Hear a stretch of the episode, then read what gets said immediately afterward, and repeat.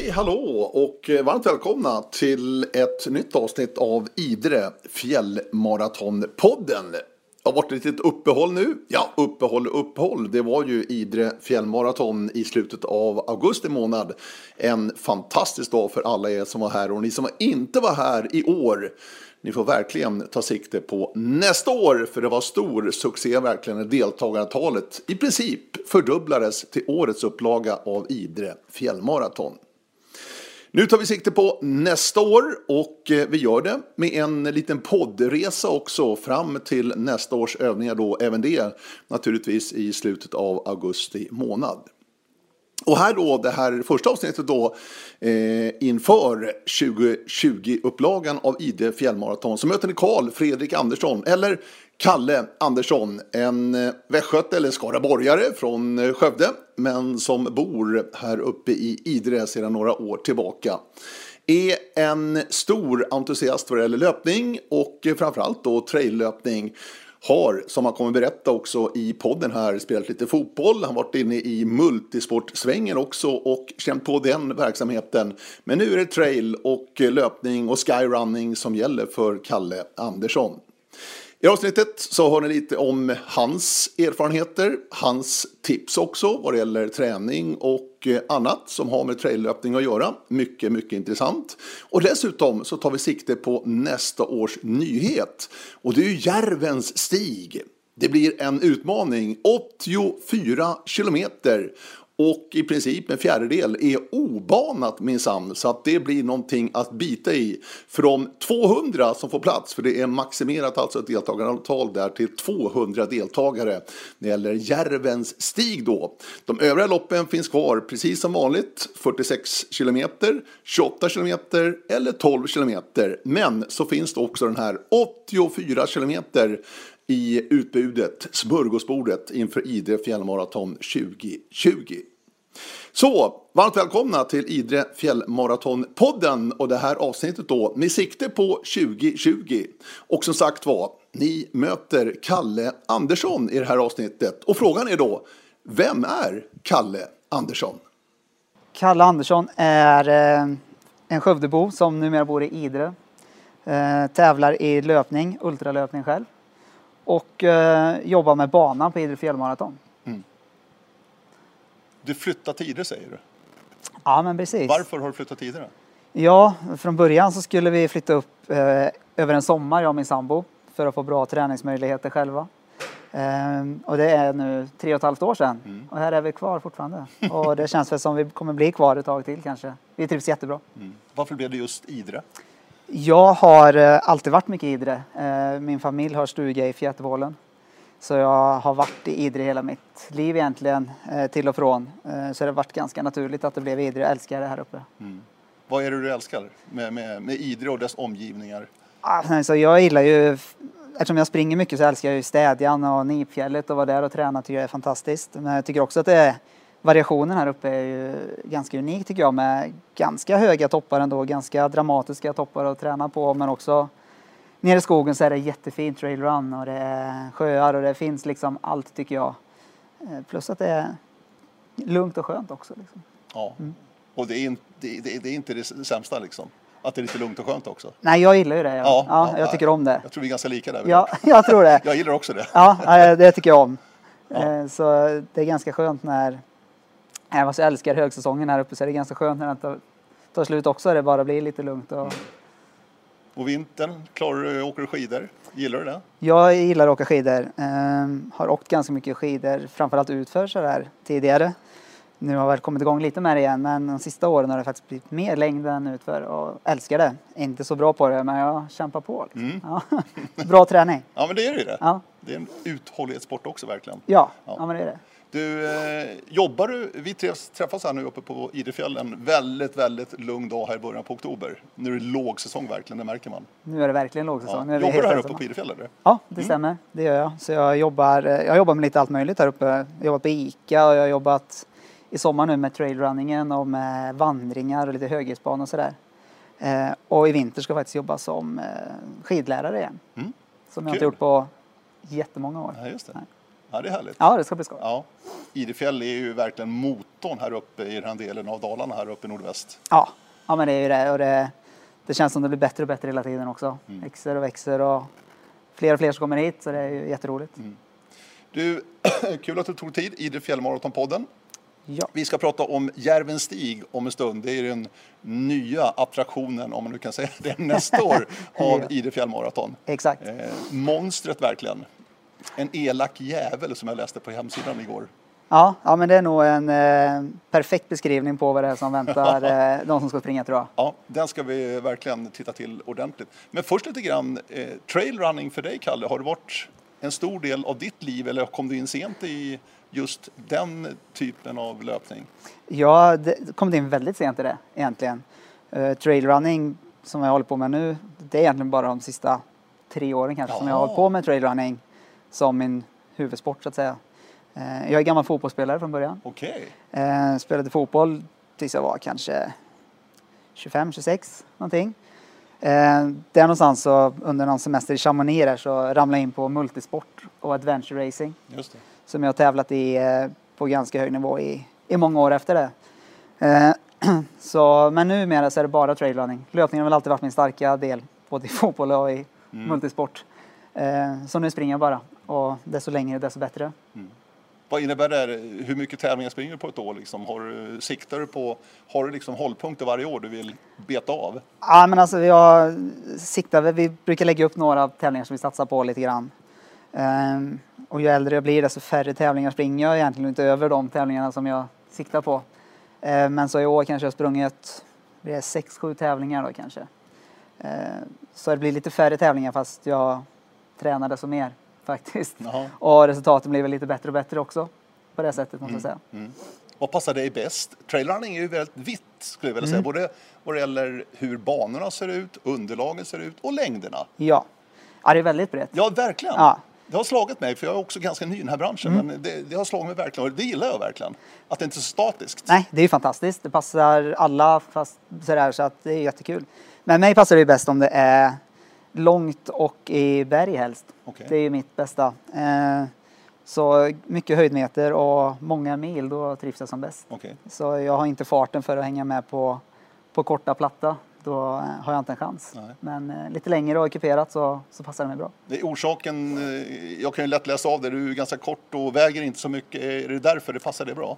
Ja, men jag, jag skulle tro det faktiskt. Och sen är jag ingen heller. Jag kan inte springa en mil på 30 minuter utan jag är lite långsammare. Men jag kan hålla på länge och där har väl vikten en hel del att göra och min storlek och sådär också. Eh, absolut, det tror jag. Mm. När du pratar om långt, vad, vad är långt för dig? alltså, det, det kan ju vara lite olika men eh, som sagt mina bästa resultat har väl egentligen kommit på 100 miles och 16 mil och men säg att för att det ska kunna gå riktigt bra så behöver jag nog ha 10 mil egentligen. Det är så? Ja, jag tror det. Mm. Eh, Eller en tävlingstid upp mot 8-9 timmar minst i alla fall för att det ska kunna fungera liksom. Mm. Hur jobbar du rent träningsmässigt? Eh, Alltså, har du, periodiserar du också träningen liksom och jobbar året runt med att liksom försöka spetsa till tävlingarna? Ja, men så är det ju. Jag, jag har väl mer och mer gått över mot att träna lite mindre periodiserat egentligen. Jag tränar på ganska likt under hela året. Okej. Varierar ganska mycket. Eh, tycker att det passar mig. Jag tränar ganska mycket eh, alternativ träning som Okej. inte är löpning. Nej. Eh, både för att kroppen ska hålla tycker jag det är bra och sen så tycker jag att det är bra mentalt för att jag tycker det är kul att träna mycket. Så jag cyklar en hel del och åker en hel del skidor som sagt och sådär.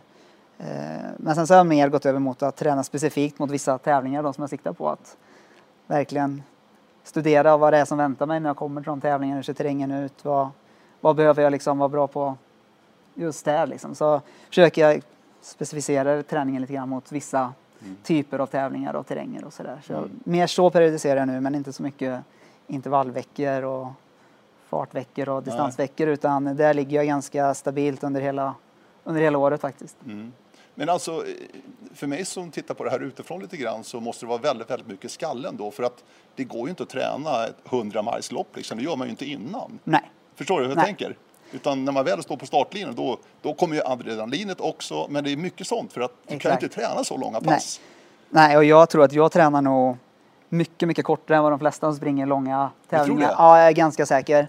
Jag tränar, om man pratar löpning så är det sällan jag är ute mer än två timmar och springer. Okej. Eh, något pass ibland kanske kan bli tre timmar men längre än så, det blir det aldrig för mig egentligen. Utan däremot så tränar jag många pass. Jag tränar mycket. Eh, och sådär men däremot ska jag tycka att det är kul att åka iväg och alltså, tävla bara för tränings skull som jag var iväg på förra veckan här på en liten tävling och sprang 10 mil. Det blir en bra distanspass för mig. Ja, Eh. Mm. jag får hålla på länge. Eh, men det blir väldigt tråkigt tycker jag att gå ut och springa så långt annars. Mm. För träning. Jag kan inte riktigt motivera mig till det utan då blir det lite andra pass istället. Mm. Du, ta oss med på några härliga lopp du har varit ute på i, i världen. För att du har inte bara sprungit i Sverige. Du har Nej, varit utomlands också. Några sköna tips du kan ge till de som lyssnar. ja men absolut. Det, jag har, eh, I år har jag varit iväg på två fantastiska lopp utomlands Okej. kan, som båda, alla som gillar trail och springer berg borde prova. Det första var på Madeira, heter Madeira Sky Run. Eh, sjukt fint på Madeira. Blommornas ö. Ja, det var helt fantastiskt. Jag har aldrig varit där förut och nu vill jag bara nästan så jag vill bo där faktiskt om jag ska vara ärlig. Ja. Helt otroligt. ja, det är det. Eh, och Vem kommer från Madeira? Ronaldo. Bra. Ja, ja, jag är ju fotbollsnörd så den kan jag ju. Snyggt. Ja. eh, har man varit där så vet man det. På flygplatsen heter väl till och med Ronaldo. Ja. Ja, exakt. Så eh, det var ju helt otroligt och de bergen där var ju... Funchal heter huvudstaden. Ja, men exakt. Ja. Det här var uppe i en by som jag inte kommer ihåg nu vad det hette, men eh, lite utanför. Som man startade och gick i mål. Var uppe på bergen där och sprang och det var, ska vi se, 55 kilometer kanske. Så det var inte så jättelångt, men det var 4 500 höjdmeter ungefär. Ja, då. det är en, det är en kuperad ö. Ja, det var kraft, ordentliga stigningar. Ja. Så, och det var helt otroligt. Vad var det som var otroligt? Alltså omgivningen och Mm. människorna och allting var ju helt fantastiskt. Eh, så det var sådana här ställen som man bara kände nästan direkt när jag...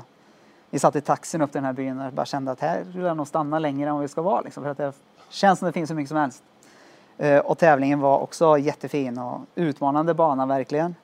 Men någonting som alla kan ta sig igenom, alltså olika distanser och sådär. Så att, eh, är riktigt häftigt. Bra tips där. Ja, från havsnivå upp till de här topparna på 2000 meter flera Ja. gånger. Det var Ja. är riktigt häftigt. Ja, men det är en fantastisk ö. Mm. Eh, på många sätt. Ja, Ja. Verkligen. Eh, och sen var vi faktiskt i Spanien här nu i slutet på juli var det väl och sprang en tävling som heter Irmalak. Eh, som eh, 100 miles och 11 000 höjdmeter. Oj. Så det ska vara ett av Europas tuffaste eh, lopp. Eh, Så vill man ha en utmaning, någonting utöver det vanliga, så ska man ju bege sig dit och eh, för att bara få se vad trailrunning och skyrunning är. På andra ställen än i, i Sverige är det ganska litet, det är ingen publik, men det var ju hela byarna var helt fulla med folk man kom och sprang. De bara stod och skrek och det var en häftig upplevelse för att se att det är stort på vissa ställen. Mm. Eh, på ett helt annat sätt än vad det är här. Mm. Låter lite som eh, Tour de France när cyklisterna passerar, passerar genom byarna. Det var så. Ja. Det var kravallstaket uppställda och de stod och bara, man kom på natten där och det var lite fest samtidigt självklart när man kom där men de bara, de var helt galna. Så det var häftigt. ja. Hur hittar du de här loppen då, Kalle? Ja, Madeira ingår ju i den här eh, Okej. Skyrunning World Series som den heter. Eh, så den, de hittar man ju den vägen. Eh, den här andra tävlingen vet jag inte. En som jag tävlar med i samma lag som, han har pratat om den här tävlingen sen vi lärde känna varandra nästan att han skulle vilja springa den. Eh, för den är väldigt liten bland svenskar. Eh, nu var det några svenskar där i år visserligen men så den här tävlingen hittade vi tack vare det bara egentligen att han ville dit och så vi, ja, då kör vi på den. Mm. Annars är det mycket de här olika serierna runt om i världen som man, som man tittar på Mm. för att hitta. Men det finns säkert många små härliga lopp runt om i ja, hela världen egentligen att att verkligen. hitta. Ja. Och nu finns det så många lopp så att man behöver ju aldrig lämna Sverige egentligen för det är ju tävlingar varje helg om man skulle vilja som är fantastiska. Jag tycker svenska lopp är ju generellt sett väldigt bra, väldigt välarrangerade. Det är bra uppmärkta banor oftast, man behöver aldrig vara rädd för att springa fel eller det är oftast väldigt hög klass på dem, det måste jag säga. Det, det är en fantastisk idrott på det sättet. Jag, jag jämför gärna med orientering i och med att jag är inne i orienteringsvärlden väldigt mycket. Ja. Men det är också en fantastisk idrott om man vill komma till ställen som man aldrig annars säkert hade besökt. Jämför med om du hade fortsatt din fotbollskarriär, Kalle. Mm. Det är det.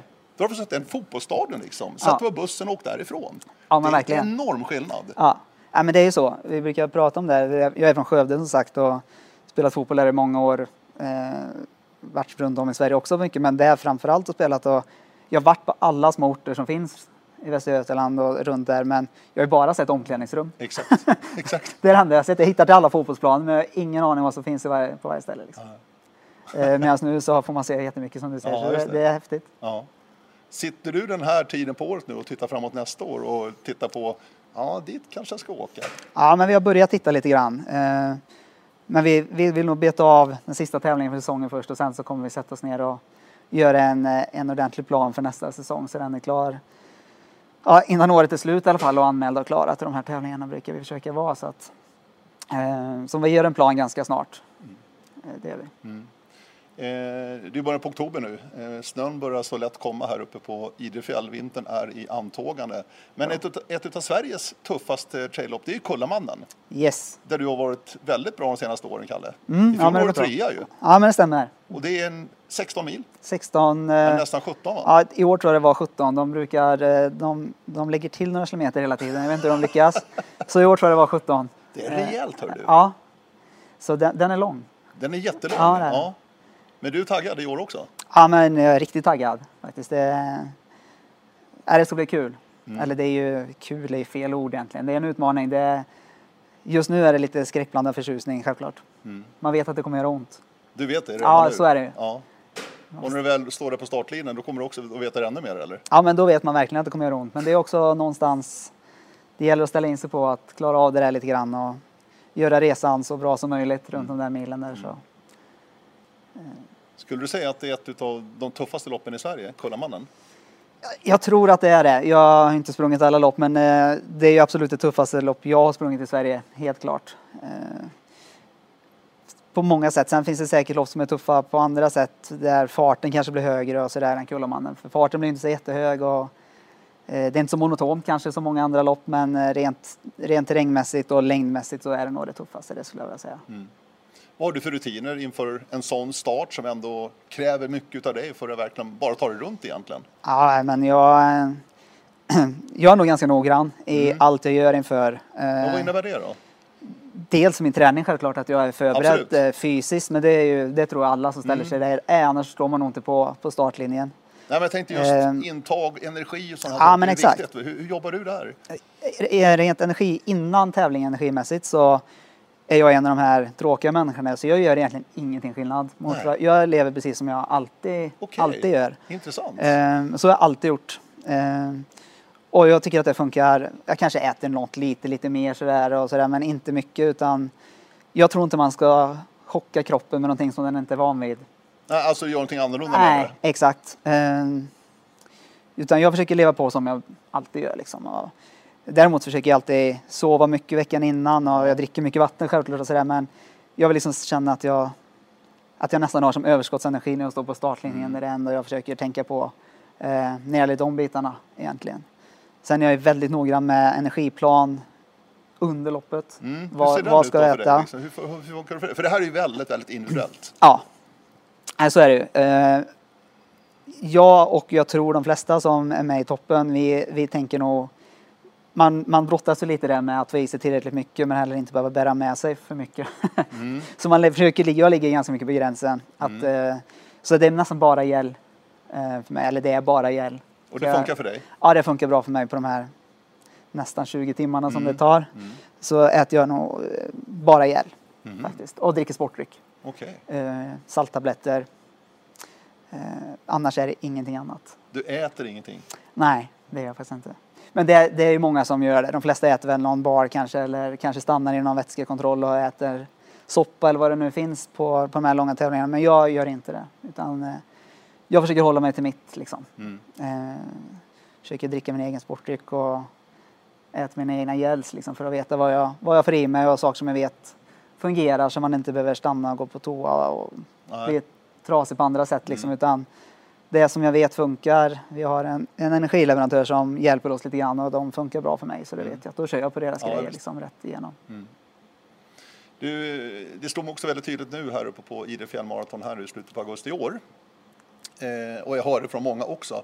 Det är en enorm sammanhållning bland deltagarna där ute. Att man hjälps åt, man pushar varandra, Ja. man ser att någon är trött. Det är väl inte riktigt likadant för er som ändå jobbar upp i täten liksom för att kanske vinna, vinna loppen, eller? Ja, men nästan skulle jag vilja säga. Det? det är väl inte riktigt likadant kanske sådär att man eh, man stannar väl inte och väntar på varandra direkt Nej, på nej, men det förstår jag. Eh, men eh, det är klart att man, eh, man pushar nog varandra även i toppen skulle jag vilja säga. Det gör man.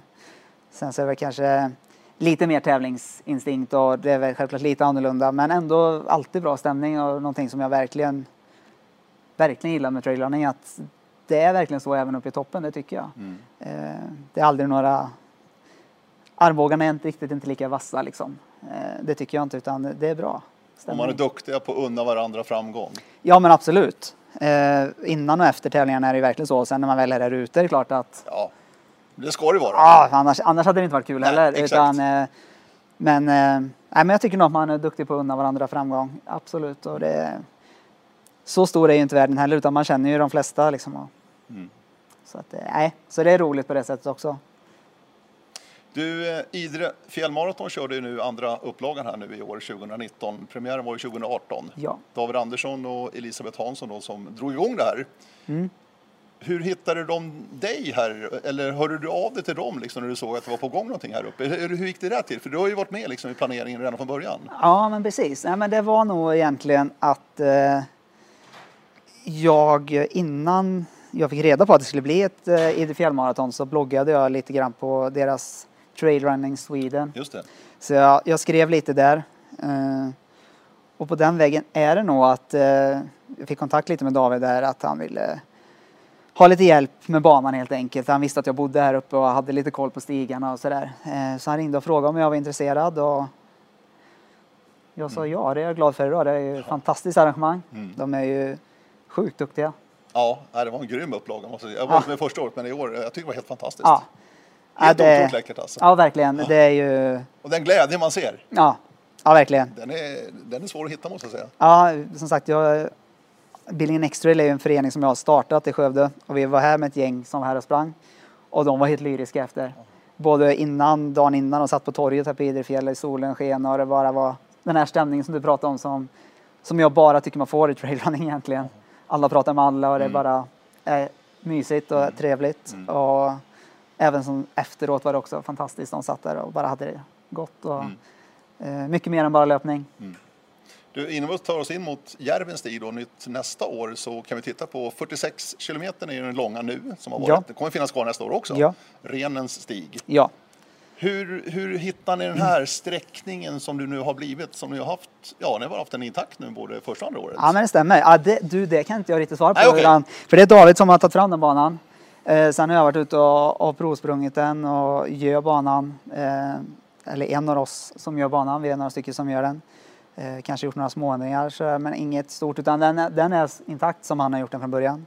Eh, jag tänker det som är det unika med den banan Mm. tycker jag är att den, den tar sig till platser dit man inte kommer om man är i Idre och springer själv Absolut inte. eh, fäbodar som faktiskt är bebodda med får och kossor som går fritt ute i skogen och naturen och man får träffa de som faktiskt bor där. Det är lite häftigt. Och, man får uppleva mycket på det sättet också. Det är inte bara Nifjället och Städjan som är de turistattraktioner här uppe egentligen utan man kommer ner på ställen som inte är så vanligt att man är på. Ja.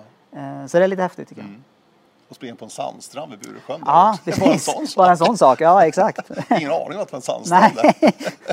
Nej, det är lite häftigt. Ja. Ja. Ja, det är så fräckt ju- just eh, Nipvallen då, fäboden som ligger ovanför Buresjön när ni som har sprungit kommer upp då för en ganska dryg backe upp där. Mm. Ja, det. Eller det är inte jättebrant men det tuggar på. Det är lite jobbigt. Det tuggar Ja. på. Och där är det liksom, åh, här är folk liksom. Mm. Ja, det är fullt helt- liv. ja, det är Helt-. Mitt i skogen. Det är som så häftigt med fäbodvallar. Ja, det är det. Och så kommer man till sagt, det är tre stycken fäbodvallar som man kommer förbi. Eh, som, eh, ja, det är lite annorlunda. Mm. Ja. Och sen är ju den sträckningen man tar sig runt Nipfjället då på den västra sidan Mm. där, där bara långa banan går 46 kilometer alltså. Exakt. Det är en väldigt, väldigt fin stig runt där. Ja, den är helt fantastisk. Ja. Den borde alla som är här gå ut Faktiskt. och vandra egentligen eller springa för den är jätte, jättefin. Ja, den är grym faktiskt. För annars är det ju överlag, jag vet inte, du, du har ju mycket mer erfarenhet än mig, men det är rätt stenigt här uppe ändå, Ja. är det inte det? Jo, det är det.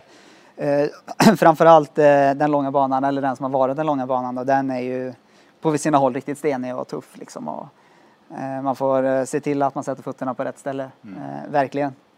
Eh, så det, men den är, den är fin, men den är, den är tuff på det sättet. Du, du är med och markerar och sätter upp skyltar och så här för Mm. att det ska vara möjligt för alla att hitta runt också på ett bra sätt. Ja, men Det är exakt. rätt mycket jobb med det där. Ja, men vi lägger en eh, vecka nästan. Ja, det är så. Ja, fyra personer var vi i år som, eh, som la ja, fem dagar i alla fall på det. Eh, Så det blir mycket tid. Mm. Eh, Men det, det är ju också sådär, det är kul tycker jag. Eh, att få, att vara med och göra en bana som, jag vet själv hur det är när man springer en tävling och det är inte bra markerat. Den här oroskänslan i kroppen att man är fel eller, och många kanske gör det för första gången då är man ännu mer orolig. Eh, att få vara med och göra det här så blir så här på ett sätt som man själv skulle vilja springa den. Jag gillar det. Mm. Sen var det häftigt tycker jag, det var en väldigt smart lösning att eh, i cykeln har man ju kvastbilen, den som går sist, Mm. verkar se till att alla är med. Ja men exakt. Eh, och den kvastbilen då, om vi säger så, här på Idre fjällmaraton, plockar också ner snitslarna. Ja men exakt. Det var ju väldigt smart. Det, det, För då är det en dubbel roll liksom. Ja men exakt, det är faktiskt jättebra. Vi, vi har gjort så båda åren och jag har gjort så många år med andra tävlingar som jag har jobbat också. Ja. Att man är både svans som vi kallar det och plockar ner snitslar på samma gång. Det kräver lite av de som gör det. Ja, jag förstår det. För det är, det är ganska jobbigt och det är ganska långt och Mm. Sådär. Men eh, är man ett bra team som gör det så funkar det bra Mm. i år. Och i år hann vi också med. Förra året så hann det bli mörkt innan vi kom in men i år hann vi med. Precis. Ja. Som sagt var, 46 kilometer är renens stig. Mm. Ja. Har varit den längsta. ja, Men nästa år så blir det etter värre. då blir det värre. 84 kilometer, Ja, eh, tror jag det stod. ungefär. Eh, Järvens stig. Stämmer. Ja. Eh, och det är ju, är inte dubbelt så långt, men det är en helt annan sträckning. För att starten är inte på Idefjäll, utan det är på Lövåsen, Lövåsen. söder om eh, Grövelsjön. Grövelsjön, ja, precis. Ja, stämmer. Ja, hur, där har du ändå varit med nu och tittat på det här och om det är möjligt att Ja, men precis. Här har- ännu längre bana. Här har jag varit med lite mer. Eh, David började prata om det här för länge sedan med mig. Mm. Eh, lite grann och han hade idéer om att han ville göra den här banan och han hade en idé om vart banan skulle gå och sådär. Eh, som sagt, jag älskar ju jag älskar galna idéer. Så att eh, jag gick igång, igång på det också. Eh, så nu har jag och David varit ute lite grann och kollat och jag har faktiskt provsprungit hela banan. Eh, och eh, det visar sig ju att det kommer bli en, eh, en otrolig bana. Jag var lite rädd i början. David berättade lite grann om vad- hur han trodde och sådär och att det skulle bli blött och svårt att hitta och det var besvärligt och sådär och precis så är det ju faktiskt. Det är blött och det är besvärligt och det kommer bli bökigt och det kommer bli en stor utmaning för oss som gör banan men eh, de som kommer springa den kommer få en upplevelse som man Alltså jag skulle nog våga säga att det finns nog ingen tävling, trailrun-tävling i det här landet som kommer kunna jämföra sig med den här banan. Vad, vad lägger du i det? En otrolig bana säger vad, vad lägger du i det? Alltså det, det är vildmark Ja. och det är man är ute i skogen, det är ingen mobiltäckning, det är liksom det är ingen som har varit där ute på länge. Det märker man när man är där och springer att det är inga stigar kvar. Det är markeringar på träden och sådär att det finns en led men stigen är borta så länge. Det är, det är ingen som rör sig här och det är jättevackert där ute i skogen. Liksom. Så jag skulle säga att det är inte höjdmeterna som kommer bli den stora utmaningen här som många andra fjällmaraton utan här är det terrängen som kommer, som kommer vara det tuffa. Liksom, Att eh, orka trampa runt det där. Liksom. För här blir det ganska mycket obanat. Alltså Ja. utan en, en track, en, en stig i botten. Ja men verkligen. Det blir ganska, det blir några mil som blir helt obanat och eh, jag skulle säga blir det som det var i år att det är lite blött då kommer det bli riktigt tufft. Är det som det var första året när det är lite mer torrt då kanske det blir lite lättare. Så att det, det här kommer att bli ganska väderkänslig, eller känslig, man kommer alltid fram och igenom men det kommer, tiden kommer liksom skilja mycket på beroende på väder och vind, det tror jag. Är det, är det okej i trailrunning-sammanhang liksom, att ha så mycket obanat? För mig, återigen utifrån, så trodde jag att man, man ska hålla sig på stigar. Ja, nej, men det är okej tycker jag. Eh, men som sagt, det sätter ju, det sätter ju krav på, på oss som arrangörer att eh, banan är bra uppmärkt och att man kan hitta runt. För eh, man ska ju inte behöva vara orienterare för att springa en trailrun-tävling. Det tycker jag är, är jätteviktigt. Jag är Absolut. själv värdelös på karta kompass. Mm. Så att jag litar ju alltid på att arrangörerna har gjort ett bra jobb med, med, med uppmärkning. Sen har man ju alltid GPX-filer i telefoner och klockor och sådär så man, man hittar ju alltid på det sättet men eh, det ska ju vara lätt att hitta runt. Man ska ju kunna springa, man ska inte behöva leta tycker inte jag. Utan, så det kommer sätta krav på det men det tycker jag absolut är okej att det inte är någon stig. Utan, så kommer det väl bli stig förhoppningsvis. Mm. Ja, jo, jo precis. Eh, hur, hur hittar ni den här sträckningen nu då? Så att ni ska starta upp i Lövåsen till att börja med? För att det är ändå ett ganska stort beslut och så, okej, okay, mm. det här loppet måste vi nog lyfta från Idefjäll vad gäller själva starten. Ja, men exakt. Ja, men det är väl återigen David som har hittat sträckningen, men det är väl att det ska vara en punkt A till punkt B-tävling. Det är ju rätt häftigt tycker jag. Eh, att man inte springer en slinga utan man startar och går i mål på ett helt annat ställe. Eh, sen att det blev Lövåsen Lövåsen i sig är ju också ett jättefint Verkligen, ställe. Man får ju över Långfjället som du sa. Man startar, det är ju, bara det är ju värt upplevelsen på något sätt att mm. bara springa över där. Mm. Eh, kommer vara tidigt på morgonen, det kommer vara Ja, fyra är starten. Fyra. Kommer förmodligen som sagt behövas en pannlampa. Mm. Eh, och springa upp där i mörkret, det kommer bli helt otroligt. Mm. Eh, för där går det upp för direkt från början kan jag säga. Ja, det är upp för direkt ja. och det är stenigt och det är mm. ganska besvärligt direkt från start. Mm. Eh, men när man väl kommer upp på kalfjället så är det ju en jättefin löpning. Ja. ja. Mm. Så att, eh, och det går ganska snabbt innan man är uppe där. Så att, men i mörkret där uppe kommer det vara häftigt. Hoppas på stjärnklart och ja, en, fin, en fin morgon så kommer det bli helt otroligt med mm. soluppgång och allting där uppe. Mm. och sen så sen springer man in i skogen ner till en fäbod där och då är det, då är det tuffa bud direkt liksom, som, som väntar för löparna. Så det, det börjar tufft med höjdmetrar och, och ganska tuff terräng direkt. Mm. Sen tar man sig bort mot Storån där den första energistationen är då mm. på Järvens stig då. Storån är ju den, en av de här större eh, åarna, nästan älvar faktiskt, som rinner ner då i Idre ja. och bildar Dalälven faktiskt. Stämmer. Sörälven heter den andra tror jag. Ja, ja. det är helt korrekt. Ja, men precis. Ja, men då kommer man till första vätskekontrollen där och fram dit så är det ju, det är ju fin löpning hela vägen skulle jag vilja säga egentligen. Men den, där är det stig, mm. mestadels i alla fall. Och den är, den är smal och den är liten men det kommer gå att springa på där ändå. Eh, så den, den delen är, när man kommer över Långfjället så har man rätt så fin löpning, det tycker jag. Mm. Eh, så där kommer de ändå kunna kunna springa. Utmaningen i början är ju att det kommer vara mörkt. Ja, ja. precis. och det är tidigt på morgonen och ja, man har alla mil framför sig. Mm. Mm. Sen då efter, efter eh, Storån? Ja, då rör vi oss bort mot, eh, ja, vad heter sjön nu Klutsjön. Klutsjön, ja men precis. Mm. Den sträckningen bort dit, eh, den blir värre för dem. Det kommer att bli lite blött och lite, lite besvärligare terräng. Och lite myrar och Lite myrar och sånt som måste passeras.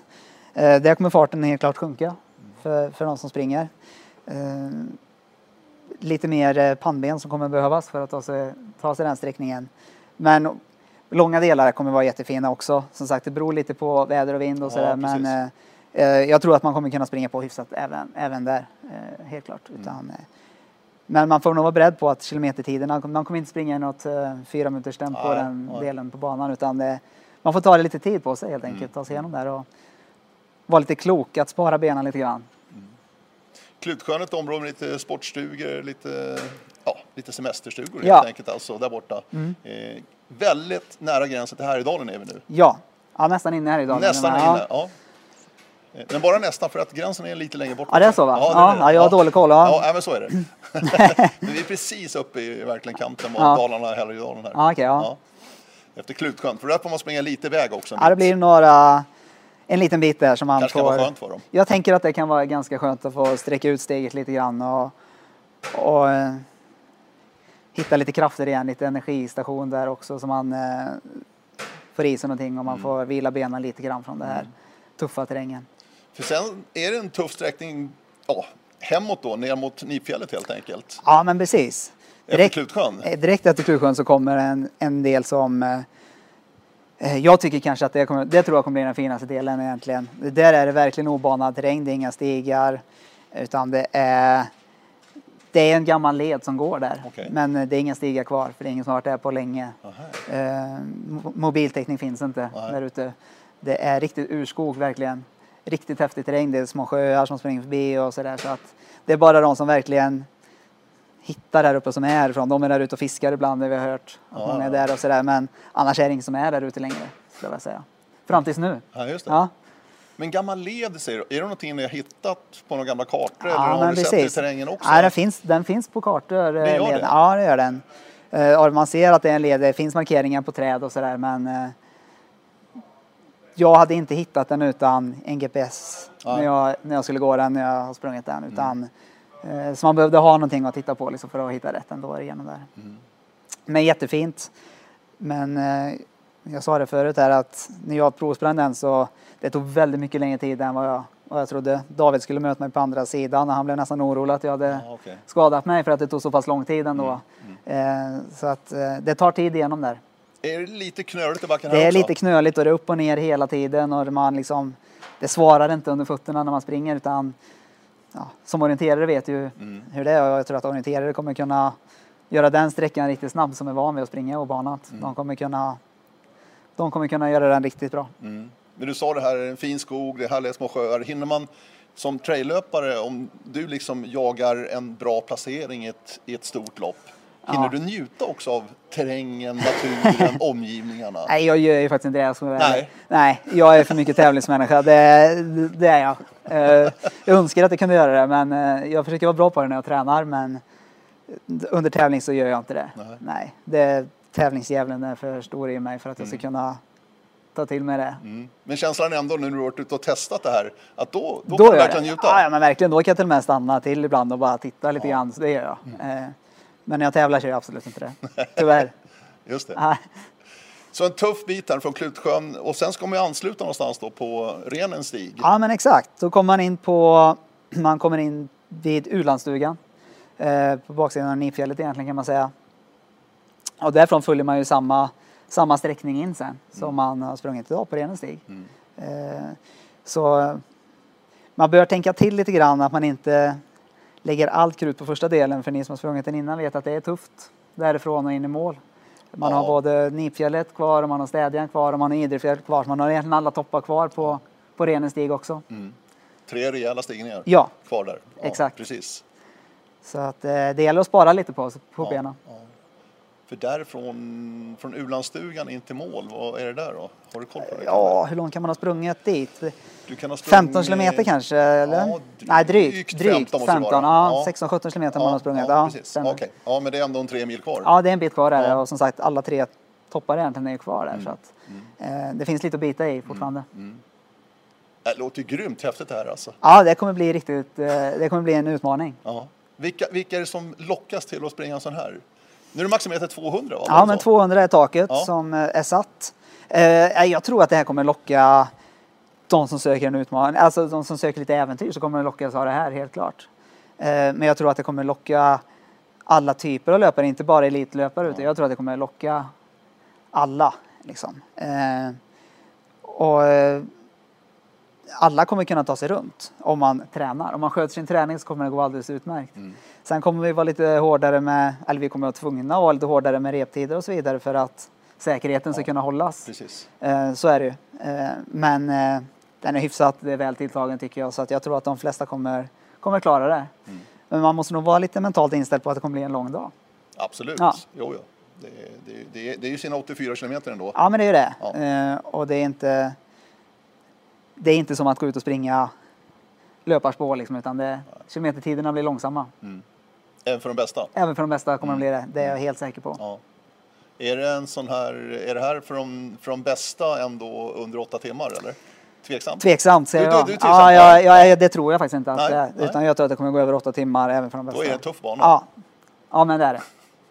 Eh, Jag tror att man kommer kunna hålla hyfsat, eh, hyfsad fart första milen, en och en halv, men sen kommer farten sjunka och även sista biten när man kommer in på Renenstig är ju tufft därifrån så att det är, det är svårt att hålla någon hög fart där nere alltså. Mm. Eh, Så att jag, nej, jag tror att man kommer gå över åtta timmar. Du, eh, hur mycket hjälp har man av andra i din erfarenhet? Jag menar, det är ju långa lopp, man har sin pace, man kollar klockan väldigt mycket Mm. Ja. och man kanske inte vill bli påverkad av andra. Eller hur fungerar Nej. sånt där? Där tror jag man är väldigt olika. Eh, Jag gillar att gå i rygg på folk och liksom, Ja, jag, gillar, jag gillar tävlingsmomentet i det. Jag, jag, fun- jag svarar bra på tävlingsmomentet helt enkelt. Eh, Medan andra är mer så här, om man kollar min klocka och kollar mitt tempo som jag, som jag håller liksom för att hålla en viss, en viss takt hela tiden. Eh, Så är det nog lite olika. Men jag hjälps mycket av att ha någon att tävla mot hela tiden. Och, eh, ibland så håller det, ibland så håller det inte tyvärr på min, Mm. mitt sätt att göra det. Men eh, jag, jag går igång på det. Mm. Eh, men som sagt, många gillar ju mer att gå på sitt eget Ja. tempo. Eh, sen tycker jag alltid att man har lite hjälp. Om man är, är det trailrun så är det klart, det är lättare om man är fyra ögon som ska leta snitslar än två. Eh, så man, På det sättet kan man också hjälpas åt lite grann. Att man, man håller sig på rätt stig och att man eh, kan hjälpas åt lite med den biten också. Eh, så det tycker jag också är bra. Beroende på vilket lopp det är.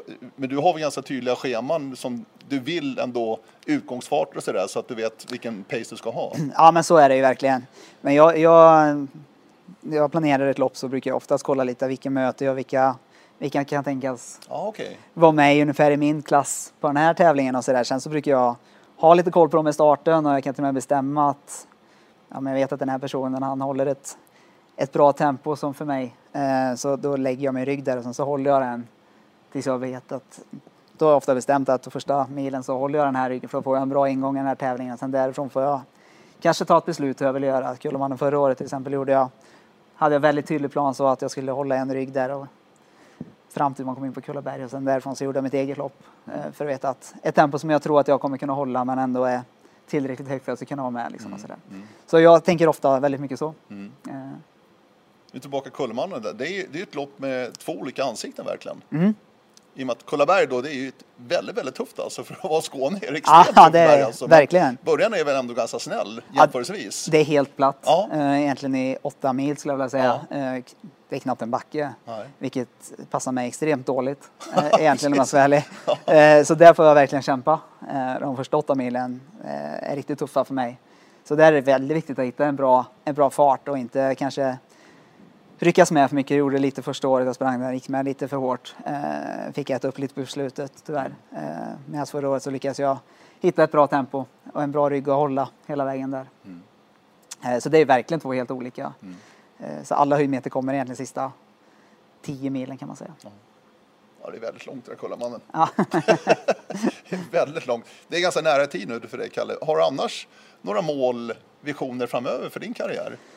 Ja men vi har eh, som sagt laget att tävla för. Eh, Vi har väl Billingen alltså? Billingen X-Trail, ja men exakt stämmer. Eh, Vi har väl satt upp ett mål här att vi ska göra en liten långsiktig plan på någonting som heter Ultra Trail World Tour som är en serie som går runt om i, i världen med lite, lite lopp här. Så vi ska göra ett tvåårs, ett tvåårsförsök och se hur högt vi kan placera oss där helt enkelt. Ja. Så vi kommer fortsätta tävla en hel del utomlands de kommande, de kommande två åren också. Eh, så vi får se om det blir vilka tävlingar det blir i Sverige nästa år. Jag har inte alls bestämt än men förhoppningsvis Kullamannen igen och kanske något fjällmaraton för det tycker jag är kul att springa. Du, det här World Tour, Mm. då är det olika kontinenter också. Ja men det stämmer, det är runt om hela, runt om hela världen så vi har inte alls bestämt vart vi ska än eller sådär nästa år men eh, vi kommer vara med på ett antal deltävlingar i den här i alla fall nästa säsong. Men du säger vi då om Billingen X-Trail. Ja, vi, vi har Är- egentligen... Är det en lagtävling också eller? Nej, det är det inte. Utan, Nej. men vi är Billing X-Trail, vi har ett, ett, eh, ett lag i Billing X som jag tävlar för som, eh, som det är jag och sen så är det eh, Rasmus Persson, en kille som bor uppe i Åre. Och sen så är det Viktor Stenqvist och Sofia Smedman som bor i Skövde än så länge men de flyttar till Östersund där om några veckor. Så vi, vi tävlar och tränar tillsammans mycket och, och sådär trots att vi är utspridda i landet nu så, så är det vi som åker runt på de här tävlingarna. Vi gör det lite som ett, ett team liksom. Eh, som jag tycker är väldigt skönt att göra. Eh, lag, lagsport har alltid varit min grej, både multisport och fotboll Ja. och allt innan. Så det med att tävla individuellt tycker jag om, men jag tycker också om att ha folk att bolla idéer med och, och lägga upp träning med lite grann och resorna tillsammans med. Och jag tycker man blir lite starkare om man är ett lag helt enkelt, att man kan planera och sånt tillsammans också. Du var inne på multisporten som du också varit inne på. Där är det ju en tydligare lagtävling. Mm. Ja, det är där är man extremt. ett lag. Ja, men det är precis. Det är och ju... där måste man verkligen hjälpas åt. Det är väl den eh, tydligaste formen Ja. av lagidrott skulle jag vilja säga som finns. Ja. Eh, för man, eh, Man har olika styrkor och sådär. Och Ja. man måste hjälpa till liksom, om man är den starka i någon, någon del. exakt, Ja. och man måste vara så himla ödmjuk mot varandra och så här, kunna vara ärlig och säga när man inte orkar mer för annars så kommer man sinka hela laget längre fram och det är verkligen det här lita på varandra 110 procent för annars så har man inte en chans. Liksom, att, så det är väl verkligen ultimata lagsporten skulle jag vilja säga. Mm. Eh, och någonting som, det är väl det jag kan sakna med multisporten mest faktiskt om jag ska helt ärlig. Tävla i lag. Jag Mm. Ja, tycker att det är fascinerande. Du, Idre fjällmaraton då dubblar du faktiskt i princip deltagarsiffran andra året redan. Ja. Det är liksom bara tjoff sa du, Helt- 1700 ungefär. Ja, Vad tror du inför fortsättningen? Tror du kommer fortsätta öka? Ja, men det tror jag eh, faktiskt. Och det måste man ju säga att det är ju, det är ju David och Elisabeth som, alltså arrangemanget är ju, har ändå varit runt på mycket tävlingar i Sverige, men jag har nog aldrig varit på något som är i närheten av Idre fjällmaraton. Vad är det som sticker ut här då? Men jag skulle vilja säga att det är gemenskapen och det är den här glädjen och Idrefjäll som destination är ju också perfekt med torget som eh, start och mål här utanför där det blir ett bra häng liksom och att det blir en eh, gemenskap som är svårt kanske få på många andra ställen för folk bara försvinner men här samlas man på samma ställe och man nu hade vi tur med vädret i år också då blir man kvar där liksom att det blir en naturlig samlingspunkt för alla eh, och det tror jag är unikt och någonting som gör att folk kommer tillbaka eh, och lockar nya löpare också helt klart. Eh, och sen så finns det boendet där man bor några meter från start och det finns en ICA-butik och det finns restauranger och alltså familjen kan följa med. Då finns det höghöjdsbanor och det finns allt annat mm. också på samma ställe liksom, så det blir, det blir väldigt kompakt. Eh, och nu med busstransporter från södra Sverige upp till tävlingen nästa år som de har fixat med och så också så gör de det ännu mer lättillgängligt så att nej, jag är ganska säker på att det kommer fortsätta öka faktiskt. Mm. Annars då generellt trail running mm. som företeelse. Ökar det också tydligt i Sverige? Alltså det är väl min uppfattning, jag har ingen aning nej, egentligen. Nej, men, men känslan, eh, liksom. känslan, är ju att det ökar hela tiden. Eh, både på loppen som jag är med och arrangerar och som jag är med och springer i tycker jag det blir mer och mer folk hela, hela tiden samtidigt som det blir fler och fler tävlingar så att jag förstår inte hur det går ihop nej. nästan men eh, är det väldigt mycket tävlingar? Ja, hela tiden. Ja. ja. det går liksom inte att hålla reda på dem längre. Eh, så det är jätteroligt. Eh, och jag tycker man ser som sagt, jag har jobbat med lite trailrunning på Idrefjäll här i, i, sommar och det är jättemånga som är intresserade och med ute på de här turerna som vi är ute på och så där. Så att mm. både löpning och vandring verkar ju vara någonting som växer och faktiskt göra det i naturen verkar ju vara det är ju roligare. Mm. Mm. det tycker jag ju. Ja. ja. Helt enig. Väldigt trevligt Kalle. Ja, detsamma. Stort tack för att du tog dig tid. Tack själv. Eh, lycka till nu med Kullamannen. Tackar. Och eh, alla er som har lyssnat, också tack för att ni har lyssnat. Eh, håll utkik framöver, idrefjällmaraton.se. Där dyker poddarna upp när ni minst anar det. Vi säger tack och hej från Idrefjäll. Hej då! Hej då!